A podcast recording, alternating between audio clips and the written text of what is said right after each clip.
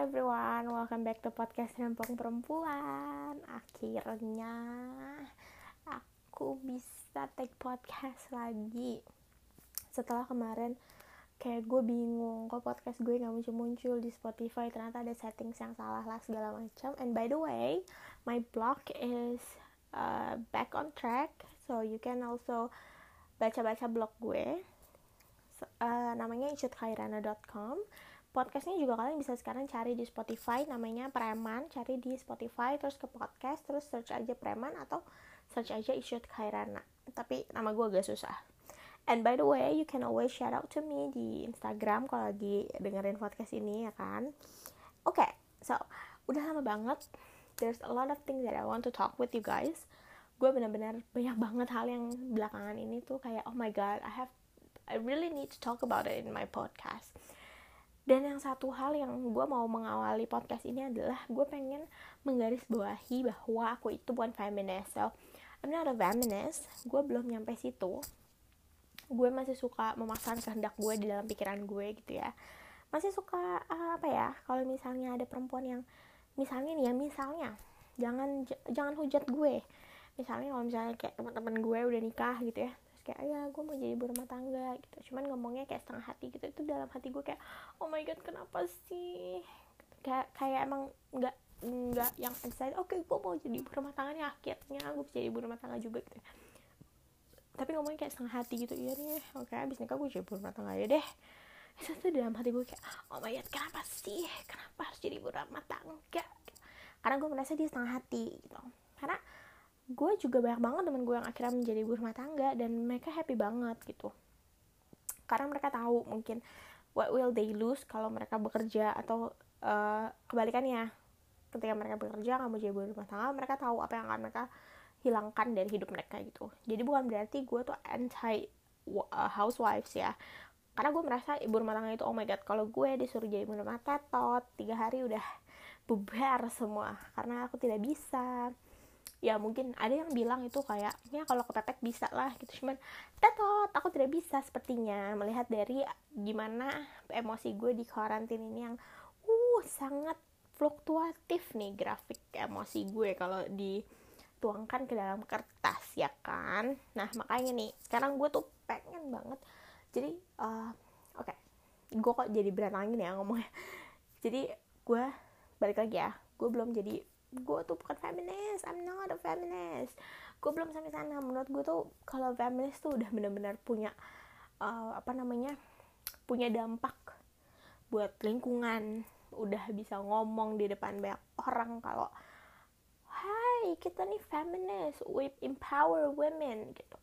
Gue masih jauh banget dari empowering women. I don't have any effect untuk environment di sekitar gue. Gue masih suka berdebat sama nyokap gue mengenai ini jadi menurut gue gue belum sampai ke tahap kalau gue nih feminis. Cuman gue senang banget bisa ngobrol banyak tentang perempuan. Gue senang banget bisa uh, tahu banyak mengenai perempuan yang di luar sana.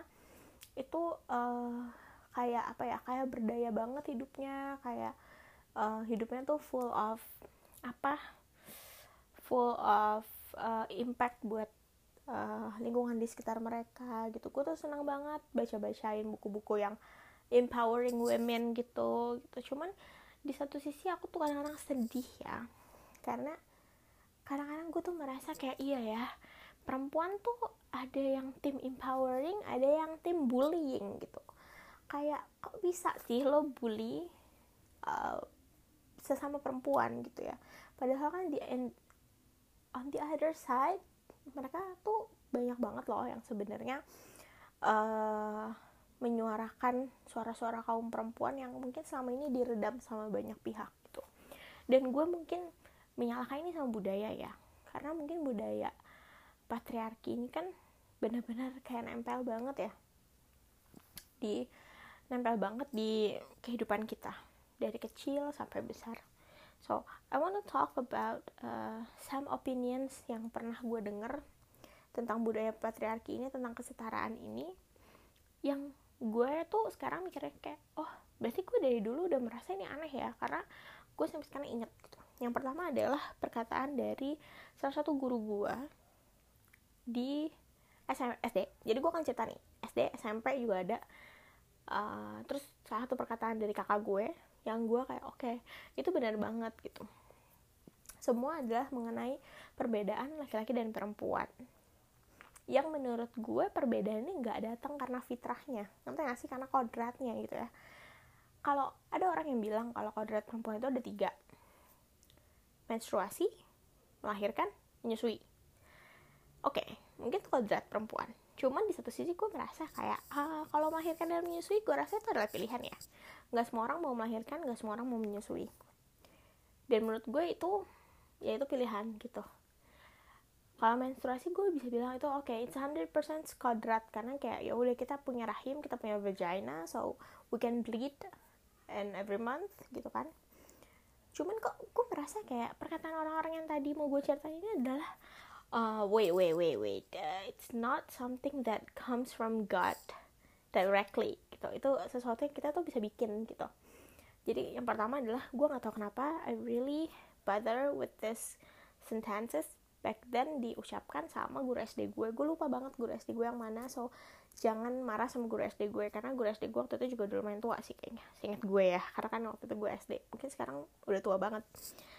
Uh, jadi beliau bilang kalau anak perempuan ini selama masih bisa belajar ya udah belajar aja yang tekun gitu. Kalian bisa ranking dan segala macam. Cuma nanti kalau udah masuk ke dunia pekerjaan juga nanti laki-laki kok yang akan lebih berdaya nanti laki-laki kok yang akan lebih punya jabatan dan gue inget banget dulu gue tanya kayak kenapa kok bisa gitu? Gue bilang gitu kan. Terus dia bilang iya karena laki-laki itu kan tanggung jawabnya lebih besar gitu. Karena laki-laki itu kan um, akan punya istri akan punya anak dia akan uh, membiayai anak istrinya gitu. Terus gue tanya lagi dong kayak loh tapi kan istrinya juga bisa. Iya tapi kan laki-laki itu harusnya memang lebih berdaya dari perempuan. Waktu itu gue SD gue inget banget gue kayak mikir hah? Masa sih? Gue harus sekolah tinggi-tinggi cuma buat gue nggak bisa compete with men.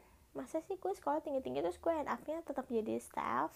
Masa sih gue sekolah tinggi-tinggi terus end upnya gue nggak bisa jadi boss itu pikiran SD SD ya. Terus as the time goes by gue punya teman gue punya teman perempuan gue punya teman laki-laki gue dan dulu tuh SD gue tipikalnya orang tua murid tuh suka datang gitu ya. Terus gue melihat banget gitu how how they treat men and women beda banget gitu. Terus gue kayak um, hmm, hmm, there's something wrong in it. Karena menurut gue kayak gue bisa do apa yang laki-laki bisa. On the other side laki-laki juga bisa apa yang gue bisa lakukan gitu. Unless kena dari dulu gue sebenarnya terganggu ya.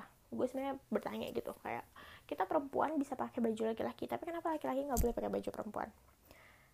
Terus muncullah istilah-istilah iya soalnya kalau pakai baju perempuan laki-laki ke perempuan-perempuanan tuh nggak baik lah apa segala macam. Terus gue kayak oke okay, tapi kalau misalnya mereka happy why not? Itu SD loh. SD yang di mana kita tuh belum reveal 100% bahwa kita akan oke okay, I will love um, apa namanya I will love men atau men will love women.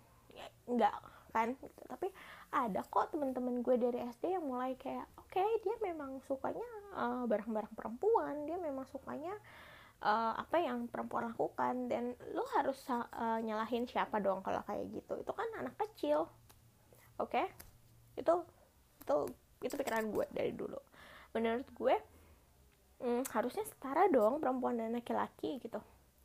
Tapi di satu sisi gue udah mulai tahu gitu kalau perempuan dan laki-laki itu nggak sama So, yang paling basic adalah saat kita mau menyuarakan kesetaraan perempuan dan laki-laki, yang paling basic adalah kita harus tahu kita tuh maunya setara, bukan sama. Ini dua hal yang berbeda. Ketika kita sama, ya we have to exactly like that. Sedangkan enggak. Dari anatomi tubuh aja kita udah berbeda. Laki-laki punya penis, perempuan punya vagina. Laki-laki tidak menstruasi, perempuan menstruasi. Which sejak seiring berjalannya waktu perjalanan bentuk kerikilnya kan akan beda ya kan? Kalau misalnya semua sama oke okay, gini deh bayangin aja nih dalam satu hari lo melakukan hal yang sama sama laki-laki. Oke okay, lo bisa tapi tiba-tiba di tengah hari lo menstruasi. And every woman knows how it feels to cramps right apakah si laki-laki juga harus pura-pura sakit biar sama? Kan enggak. Tapi the thing is perempuan harus dua kali lebih bekerja keras di hari itu karena kenapa? Karena cowoknya nggak sakit yang cewek sakit. Tapi dia tetap mereka berdua sama-sama kerja nih. Ya kan? Itu namanya setara menurut gua. So we are uh, having the same uh, sorry we are having different effort to have the same results ya kan? Cuman kan itu dari dalam diri karena kita tidak sama ya kan? Karena perempuan bisa mens lagi nggak bisa mens di tengah hari toh. Bahkan nggak bisa mens sama sekali toh ya kan? Nah cuman masalahnya adalah sekarang kenapa susah banget ya jadi setara? Kita kan nggak minta sama. Kita cuma minta setara. Kita tuh cuma minta ketika kita kasih CV untuk jadi apa namanya untuk mungkin sebagai sama-sama anak teknik gitu ya. Kita jadi minta CV eh, kita ngasih CV ke satu perusahaan um, minyak gitu. Then why company needs to looking for a man first than women? Kita tuh kayak gue uh, have been in recruiting life for almost like a few years lah ya. Gue tuh kayak sering banget nemuin mbak kita butuh ini. Uh, posisinya ini ya akan ditaruh di site tolong yang laki-laki aja ya soalnya kalau perempuan ribet gini-gini segala macam. Itu biasanya sih gue nggak take it seriously. So when a woman apply gue akan tetap kasih ke usernya. Karena menurut gue loh ya tapi kan mereka pendidikannya setara sama-sama S1 atau sama-sama S2 kenapa mereka nggak bisa apply di pekerjaan yang sama cuman karena yang satu menstruasi yang satu enggak. Cuman karena yang satu udah menikah yang satu enggak. Cuman karena yang satu ada kemungkinan hamil yang satu enggak. So di mana adilnya? Menurut gue sama itu belum tentu adil tapi setara itu udah pasti adil. Ya kan? Uh, then again gue mulai merasa itu kayak aneh oke okay? back again waktu gue SD banyak orang tua datang ada satu uh, ada banyak kejadian sebenarnya. Cuma ada satu yang benar-benar gue kayak sampai sekarang hah? Kok gitu sih? Jadi mamanya temen gue ini bilang kayak ayo nih alhamdulillah anaknya cowok semua jadi nggak gampang ngurusnya eh, jadi nggak susah jagainnya. Itu gue udah mulai kayak oh, what? Gitu kan. Cuman karena itu orang tuanya temen gue gue kayak hmm, oke. Okay. itu gue lagi makan siang gue inget banget gue ngobrol sama anaknya. Terus hmm, nyokapnya bilang gini iya coba nih kalau anaknya perempuan kan susah dia jagainnya gitu. Kalau mau ini udah anak-anaknya udah mulai suka ke mall. Waktu itu kita udah mulai suka ke mall gitu. Waktu itu Citos baru-baru buka terus kita suka colongan. Uh, iya nih kalau perempuan gini kan susah dijagainnya. Yang cowok-cowok mesti ekstra nih jagainnya cewek-cewek. Gue cuma bisa bengong gitu kayak hah? Am I burden? Gue beban apa gimana sih? Ya kan? Pasti kan gue mikirnya gitu gue beban apa gimana nih? Kok gue harus jagain banget? Kesannya gue tuh kayak nggak berdaya lemah gitu ya. Cuman uh, mungkin gue beruntungnya adalah gue punya teman-teman laki-laki yang sangat tahu gue tuh aduh kalau lo doang mah nggak usah di nggak usah di lindungin lindungin amat lah gitu. Karena lo juga bisa gitu. Cuman kan gue karena gue eager dan gue mau menunjukkan kalau gue bisa. Gue tuh gengsi banget ya kan kalau orang tahu gue nggak bisa. Cuman kalau teman-teman gue yang lain mereka udah keburu dikasih perkataan kayak gitu terus mereka males. Mereka males banget tiba-tiba harus sok kuat gitu kan. Mereka pasti nggak mau kan. Nah gue tuh suka oke oke ini kayaknya udah nggak benar deh. Ini ini ini tuh budaya dari mana sih yang bilang kalau perempuan itu tidak bisa melakukan apa yang laki-laki bisa dan perempuan tuh nggak boleh berantem nggak boleh speak up to herself kayak oh ini salah nih ini salah kaprah nih ini ini gak bener nih ya kan? Terus gue SMP well my junior high school was a sucks. Itu uh, it was the worst time in my life. Karena I'm sorry I have to say this tapi gue memang uh, masuk salah satu sekolah beragama yang menurut gue aduh there's no religion in it. Itu yang ada cuma harassment abusive verbal abusive terus patriarki tingkat garis keras gitu ya. And I really have a huge trauma back then. Dan ya lu tau lah datang ke satu wilayah yang uh, agamanya kuat gitu ya. Yang punya keyakinan bahwa semua akan masuk surga ketika melakukan apa yang mereka mau gitu. Well I'm not into it banget sih kalau mikirin itu karena it was full of beban gitu loh buat gue. Karena kayak di situ tuh gue sebagai perempuan yang I need to speak up for myself.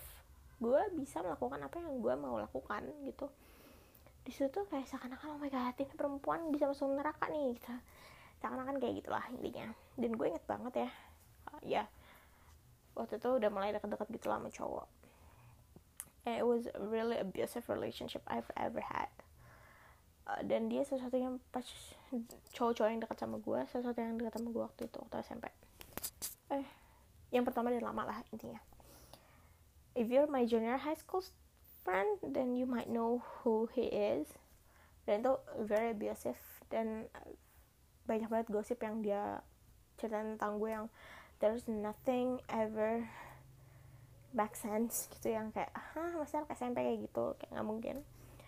So uh, the thing is waktu itu gue ngerasa kayak oh my god ini kayak gue udah mulai salah nih karena kok gue nggak bisa menyuarakan apa yang gue nggak mau gitu. Dan even the things about jilbab aja tuh kayak kalau gue udah bilang sama dia ya pengen cepet-cepet dia lulus SMP karena atau kelas SMA kan bisa lepas jilbab itu tuh dia marahnya kayak kesetanan terus kayak oh my god lo tuh mau masuk neraka ya gini-gini segala macam. Dan oke okay. itu gue SMP kan semua serba abstrak gitu. Terus ada di satu hari gue um, apa namanya gue datang telat. Nggak satu hari sih telat itu nama tengah gue. Terus tempat duduk gue ditempatin nama cowok. And then uh, teman-teman gue yang cewek kayak udah udah nggak usah diperebutin gini gitu. Dan gue nggak bisa kayak gitu. Itu tempat duduk gue. I know what to do with my own chair.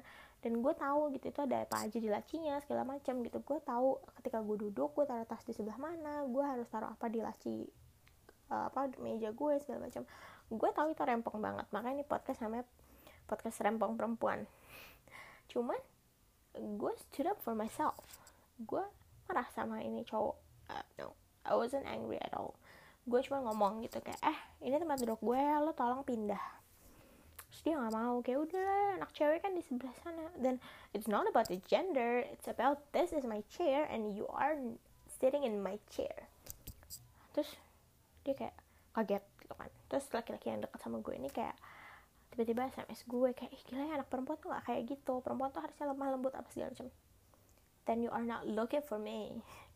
Gue kayak oh oke. Okay. berarti emang orang lain itu punya ekspektasi tertentu sama perempuan cuman perempuan nggak boleh punya ekspektasi tertentu sama orang lain gitu. Unless ekspektasi yang bagus. Kalau sama perempuan tuh ekspektasi orang bikin tuh kayak oke okay, perempuan tuh harus lemah lembut harus bisa penyayang sabar gitu. Meanwhile ekspektasi kita kepada laki-laki tuh oke okay, laki-laki tuh harus uh, jadi lebih sukses lebih kaya lebih pinter lebih lebih punya jabatan lebih punya uh, suara lebih punya oh pokoknya lebih punyanya tuh banyak. Sedangkan kalau perempuan tuh nggak ada kata-kata lebihnya gitu. Dan itu sangat sangat sangat sangat sangat sangat mengganggu gue sebagai perempuan. Nah itu itu sebagian besar adalah mungkin pondasi gue dalam menjalani hidup ya. Karena itu kan di SD SMP gue. Masuk ke SMA gue jauh lebih punya um, suara jauh lebih mengerti bahwa oke okay, nggak kayak gitu aturan main kehidupan gitu. Nah sekarang sebenarnya dari mana sih gue melihat adanya kesetaraan gender ini di kehidupan gue sehingga gue memperjuangkan ini untuk kehidupan orang lain gitu ya? Well I, cannot say gue memperjuangkan ini untuk kehidupan orang lain karena impact gue belum ada buat sekitar but I'm trying to uh, helping people yang mungkin punya punya pikiran kayak gini gitu punya pikiran bahwa dia nggak berdaya punya pikiran bahwa dia punya manipulative um, spouse atau manipulative family gitu ya. Cuman dari mana sih sebenarnya gue merasa bahwa kesetaraan gender ini harus benar-benar disuarakan? Itu adalah dari lingkungan gue sebenarnya. Baik di lingkungan negatif yang kayak tadi gue ceritain maupun lingkungan yang positif. Karena di satu sisi uh, there's a lot of uh, perempuan-perempuan di keluarga gue di orang-orang terdekat gue yang ternyata turns out to be the main character of their life gitu. Ternyata mereka tuh bisa ngelit keluarganya mereka as in mereka tuh dapetin pasangan yang juga setara setara dalam arti kata it's not about all. Gue benci banget ya kalau ada yang bilang gini cuman ini tuh bukan tentang duit gitu ini tuh bukan tentang siapa yang mem, siapa yang menghasilkan apa gitu. Ini tuh tentang adalah membuat pasangannya tuh menjadi berdaya. Berdaya tuh dalam arti kata bukan cuma nyari duit please people please. Benar-benar dipikirin deh dalam pikirannya ya. Berdaya itu bukan cuma duit. Berdaya itu adalah mereka yang bisa stood up for themselves yang bisa tahu yang bisa menyusun strategi supaya hidup mereka jauh lebih punya makna. Dan gue banyak banget menemukan perempuan-perempuan macam gini di keluarga gue. Thank god gue benar-benar bersyukur. Karena despite of any negativity yang gue punya di lingkungan sekolah gue ini kalau yang SD mungkin gue merasa kayak oke okay, itu mungkin masih kental budayanya. Kalau yang SMP I can say it's um, itu ada arogansi agama sih sebenarnya. Tapi di keluarga gue ini there's a lot of women yang mereka tuh berdaya banget nggak selalu berdaya untuk punya penghasilan tapi mereka berdaya untuk uh, bisa menjadi orang yang punya manfaat banget gitu. Oke. Okay. mungkin kalian akan bilang ala klise gitu ya. Berdaya tuh harus punya duit harus punya penghasilan. No no no no no no no no no no. Karena gue punya tante gue dia mau sudah for herself and for her kids untuk akhirnya tidak bekerja lagi untuk akhirnya have, having her own family yang nyaman yang aman untuk suami dan anaknya yang menurut gue kayak wow hebat banget. Seriously. Hebat banget. Gue tuh ngeliat tante gue itu tuh kayak gila hebat banget. Gue mungkin kalau ada di posisi itu gue nggak bisa. Karena dibutuhkan dua orang yang sangat-sangat waras yang untuk menentukan siapa yang mau cabut dari kerjaan dan mungkin ya mungkin ada ya orang bilang kayak ya namanya juga udah kodrat perempuan. Mungkin udah ya namanya juga ibu pasti nanti akan milih anak gitu. Oke okay. tapi let's say it loud kalau nggak semua punya nggak semua perempuan punya motherly instinct.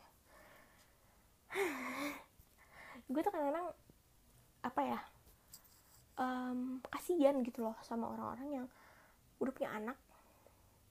Tapi sebenarnya nggak punya motherly instinct. Dia nggak punya insting keibuan. Emang nggak punya. Dan kalian yang dengerin ini jangan bilang ke gue oh lo sih belum punya anak. Lo nggak tahu rasanya jadi ibu.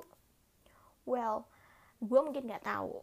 Tapi there's a lot of mummies out there yang suka ngomong ke gue kayak aduh kayak gue nggak keibuan deh. Aduh kayaknya gue tuh bukan ibu yang baik gitu. Dan menurut gue semakin lo bilang lo bukan ibu yang baik sebenarnya lo tuh udah jadi ibu yang baik guys. Dan itu udah lo tuh udah setara sama suami lo. Karena mungkin kalau lo nggak jadi ibu yang baik itu suami lo udah mungkin udah stres gitu. Lo udah ninggalin suami lo mungkin atau suami lo tuh dependent banget sama lo.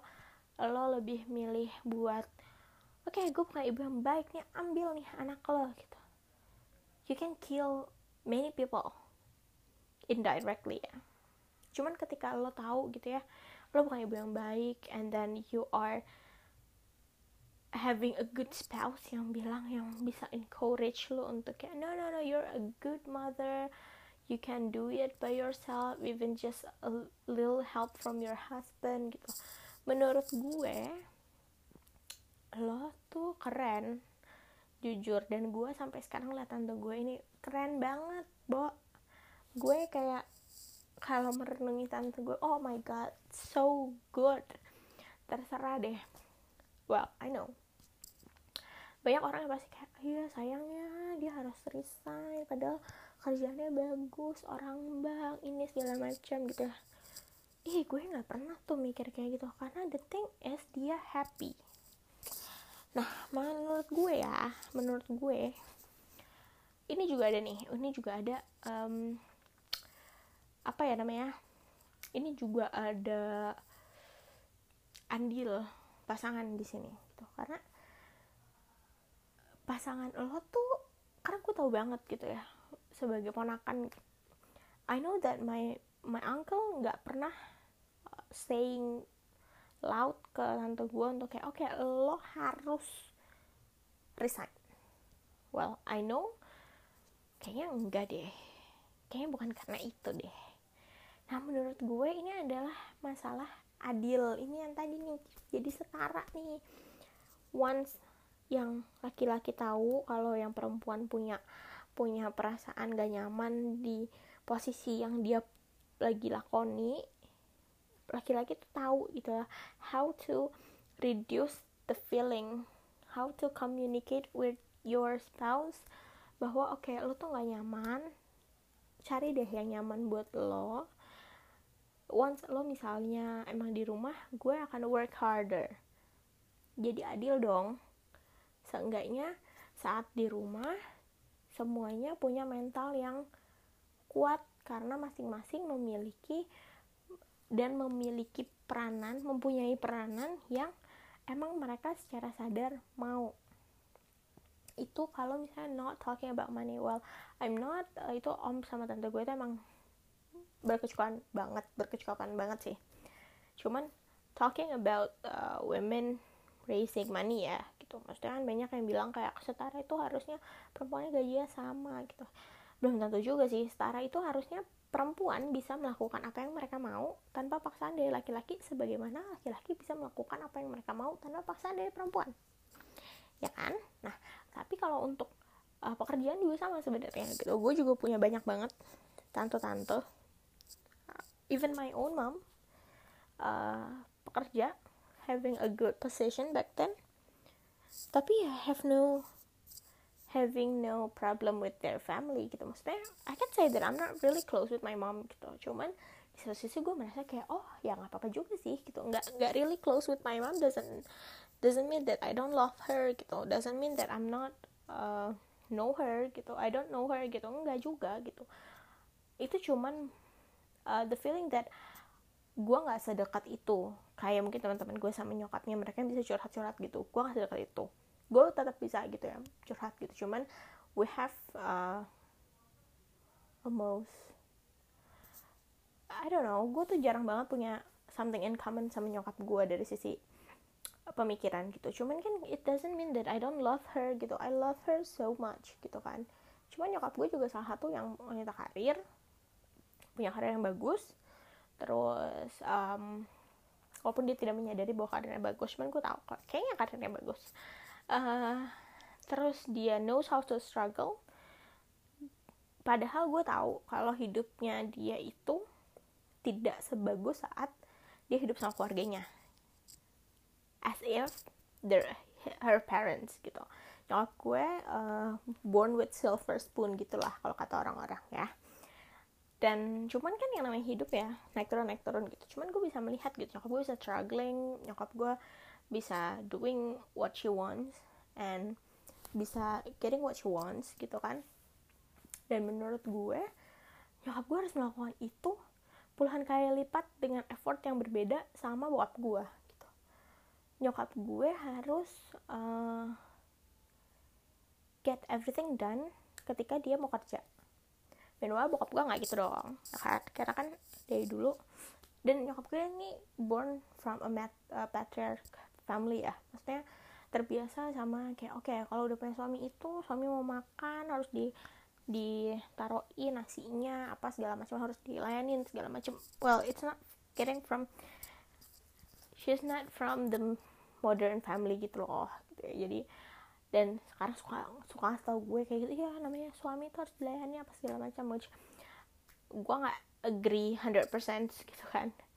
Cuman uh, di satu sisi dia bekerja jadi sebenarnya nggak patriarki patriarki amat gitu. Cuman gue melihat gitu loh orang tuh kadang suka liatnya uh, perempuan-perempuan kayak gini akan end up not good with the family well.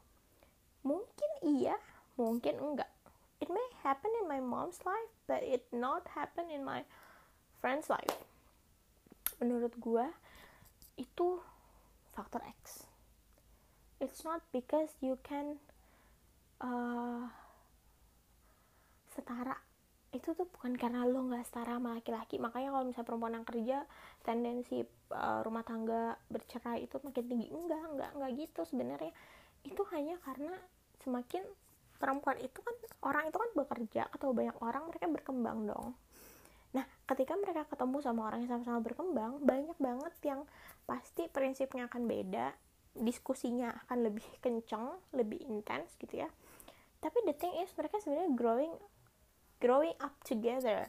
Mereka sebenarnya developing their own self together yang mungkin kalau misal orang zaman dulu mungkin kurang bisa uh, menerima konsep itu gitu. Padahal kalau gue lihat ya sekarang makin banyak teman-teman gue yang kerja gue tuh melihat makin uh, pinter gitu loh. Mereka tuh sebenarnya perempuan-perempuan ini makin makin ngerti how to manage their emotions how to manage their relationship how to manage their kids. Karena mereka ketemu banyak orang gitu loh Nah gue tuh kadang-kadang suka bingung sama laki-laki yang justru takut sama perempuan yang seperti itu. Kalau gue jadi laki-laki, that kind of girl is my wife material. Karena menurut gue, lo itu sebagai individu, bukan sebagai istri, bukan sebagai ibu, have to be develop your own self. Lo harus berkembang. Dan menurut gue, dengan bekerja itu membuat gue berkembang semakin mengenal dunia semakin tahu karakter orang. So when I have discuss uh, when I'm discussing it with my spouse dia akan kayak nggak akan bosen. Ya gak sih? Dan gue juga nggak akan bosen gitu sama spouse gue yang bisa tandeman ngobrol sama gue. Cuman ya balik lagi itu kok rasanya perempuan harus juggling banget gitu loh between being housewife sama being career woman kayak, kayak juggling banget kayak harus oke okay, gue harus bangun lebih pagi dari suami gue karena gue harus nyiapin ini gue harus nyiapin anak-anak gue gue harus mandi gue harus ini. Itu yang masih sampai sekarang mengganggu gue sih kayak kenapa perempuan bekerja itu uh, harus juggling more untuk bisa setara sama suaminya gitu. Padahal menurut gue lo harus kayak gitu. Kenapa sih nggak mau seek for help? Kayak tanya sama suami lo. Kalau gue kerja bangunnya barengan. Lo masak air gue nyiapin makanan. Bisa. If you can then we do it. Karena kalau gue pribadi sih seperti itu. Karena gue merasa kayak nggak bisa. Perempuan itu baik laki-laki maupun perempuan itu sama kita punya waktu yang sama 24 hours. Kita bisa melakukan hal yang effortnya mungkin gak sama cuman but at least please mudahkan dong effort kita. Karena kita melakukan hal yang sebenarnya nggak tiba-tiba sesuai nggak yang kita nyuruh laki-laki menstruasi juga. So you know how it feels to uh, have your cramps. So you know how it feels to uh, kerja di saat perut lo sakit gitu kan enggak ya. Kita meminta mereka untuk melakukan apa yang kita lakukan itu yang bisa mereka lakukan. Iya nggak sih?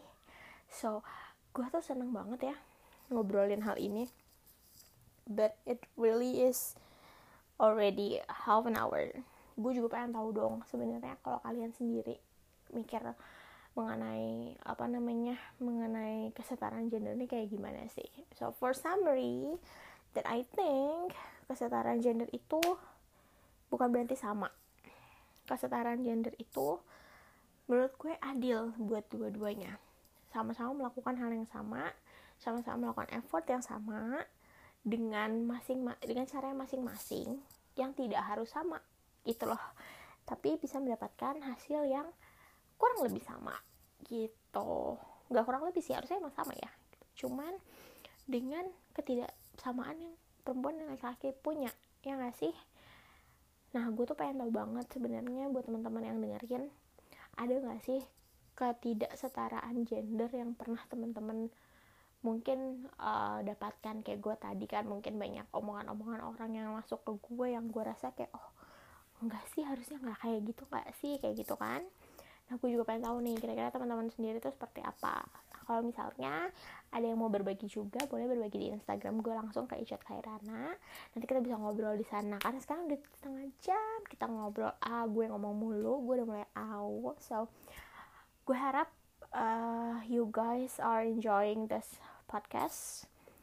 Uh, any apa namanya suggestion terus critics?